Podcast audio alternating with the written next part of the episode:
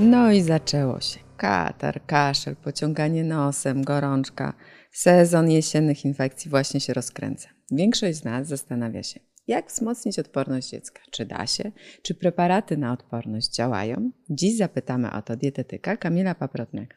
Dzień, Dzień dobry. dobry. Dzień dobry.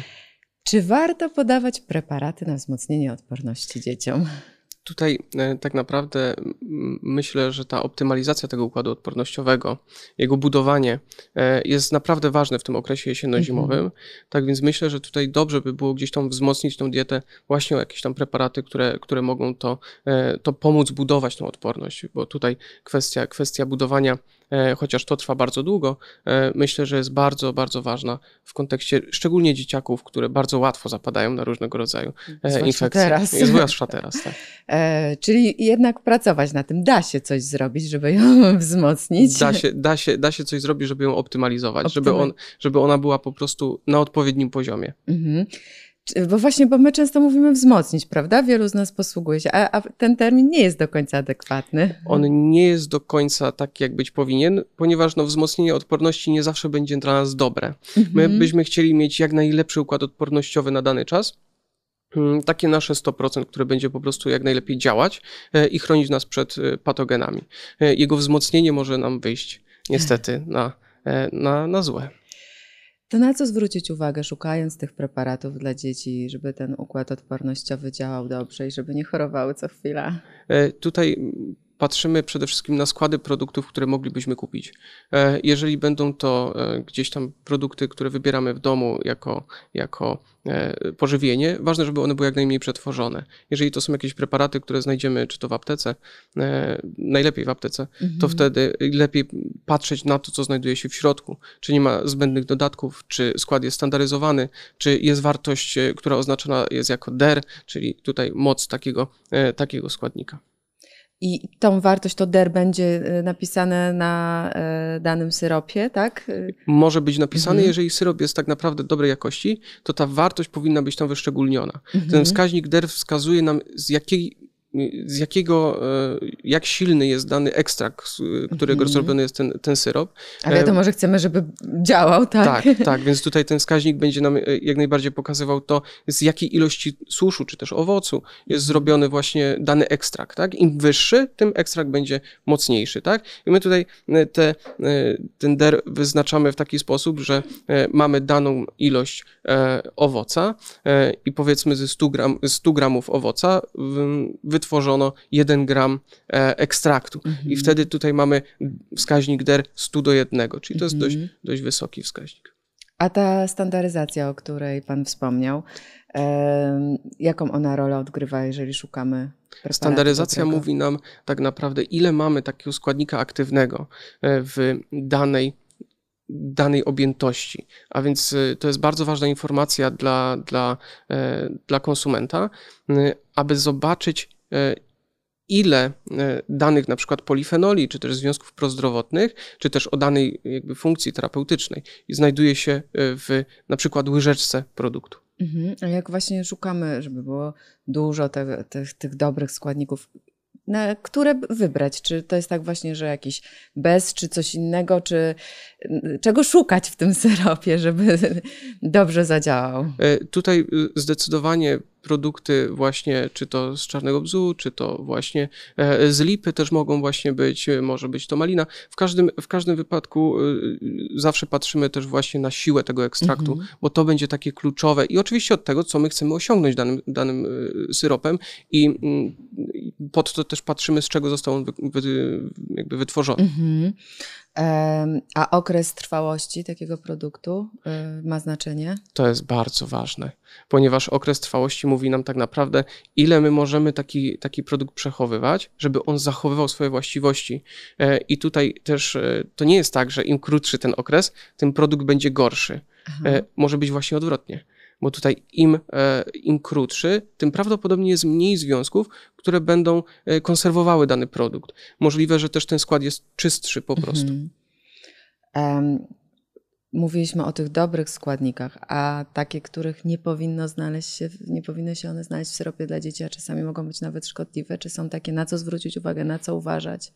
Tutaj jakby kwestia, kwestia tych produktów, ważna jest oczywiście ich ilość oraz czas właśnie, jaki podajemy e, dany produkt, e, ale zdecydowanie powinniśmy patrzeć tutaj na jakieś substancje konserwujące, mhm. które, które mogą w jakiś sposób wpływać na to, co się dzieje z jelitami i w dłuższym okresie mogą one wpływać na to, jak ta odporność tak naprawdę będzie wyglądać.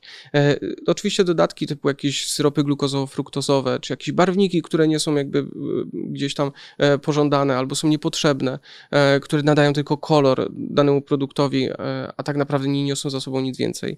E, czy to, czy to jakieś, jakieś wzmacniacze smaku, tak? Bo tutaj to też wiadomo, że jeżeli podajemy dany produkt dziecku, no to chcemy, żeby on, by, żeby tak. on smakował. Ale jakby musimy też mieć z drugiej strony na uwadze to, że jednak te wzmacniacze mogą w jakiś sposób też wpływać negatywnie na, czy to na dłuższy odbiór przez, przez dziecko, które będzie właściwie cały czas chciało tego syropu, bo też spotkanie się z takimi takimi sytuacjami, kiedy dziecko po prostu cały czas daj mi syropku, daj mi syropku. E, I to też jakby nie w tym, nie, nie w tym kierunku powinno iść.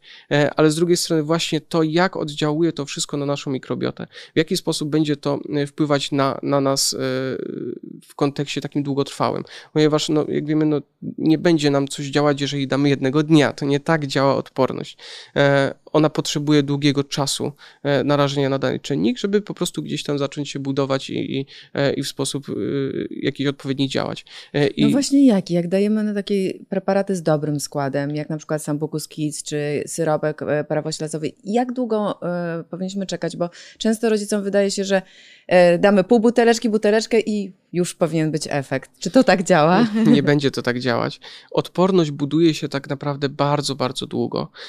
I kiedy kiedy, my chcemy, chcemy mieć naprawdę tą, tą odporność dobrą, e, my musimy patrzeć na to, że dany produkt musimy podawać długotrwale. To jest mhm. kilkanaście tygodni nawet. Więc tutaj zdecydowanie to nie jest tak, że damy i już magicznie e, dziecko przestanie chorować. To niestety nie tak działa. Czyli jak najszybciej tak naprawdę warto zacząć, jeżeli chcemy, żeby w tym sezonie jeszcze ta odporność była bardziej optymalna. Powiedzieliśmy o syropie glukozowym, a co z cukrem? Czy powinien być w syropie, czy nie?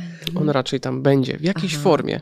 E, tutaj ten syrop przeważnie nam się kojarzy z takim produktem bardziej lepkim, e, gęstym, więc tutaj ten syrop e, będzie ważny, ale jego jakość też ma znaczenie, no bo mhm. możemy dodać produkty, które będą bardzo dobrej jakości, jakieś syropy, syropy, czy to zagawy, czy to jakiś miód, czy jakiś syrop klonowy, ale może to też być po prostu syrop glukozowo-fruktozowy, który jest dużo tańsze oczywiście w, mhm. w, wytworzeniu, ale też będzie dużo gorszej jakości. Okay. A jeżeli chcielibyśmy skorzystać z domowych sposobów na wzmocnienie odporności, czy to dobry pomysł, czy herbatki, soki? Będzie działają. to też jakiś produkt, który będzie wpływać na to wszystko.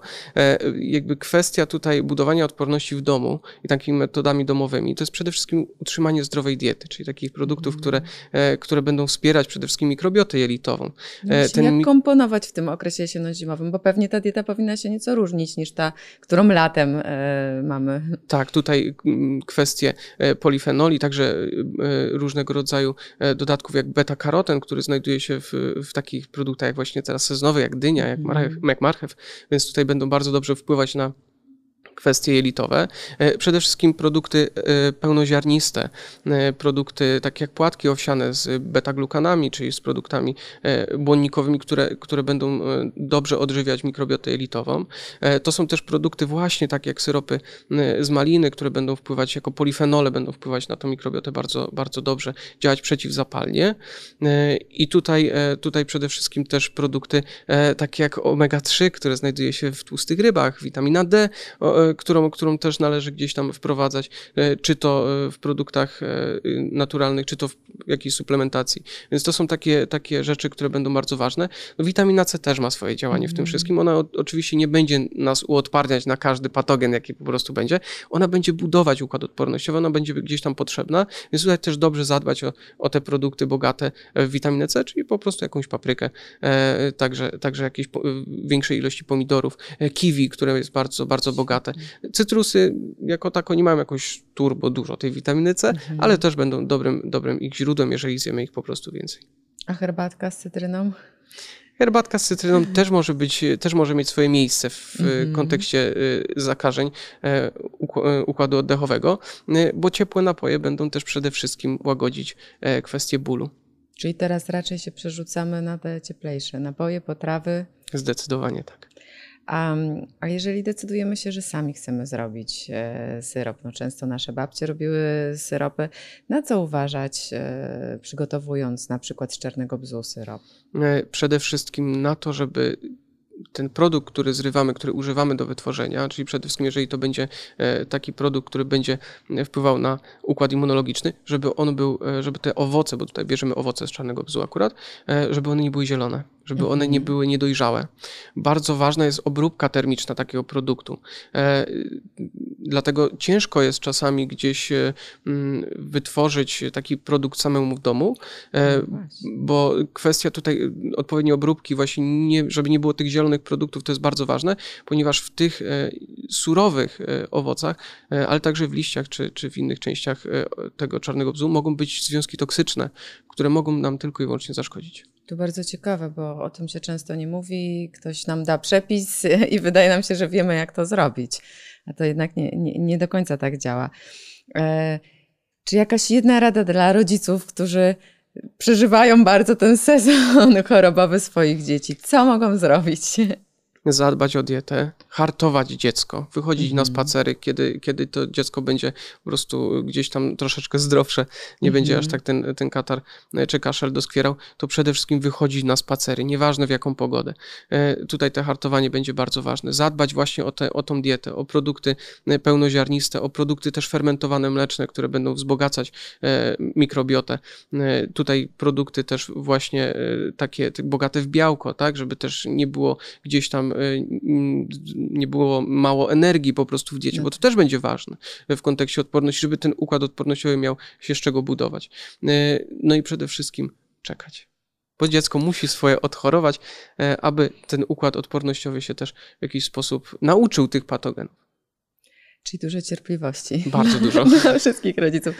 Kochani, dużo cierpliwości, ale jak słyszymy, mamy też wpływ na odporność naszych dzieci, więc warto zacząć ją wspierać już dzisiaj, skoro chcemy ją zbudować jeszcze w tym sezonie. Dziękuję serdecznie. Również dziękuję.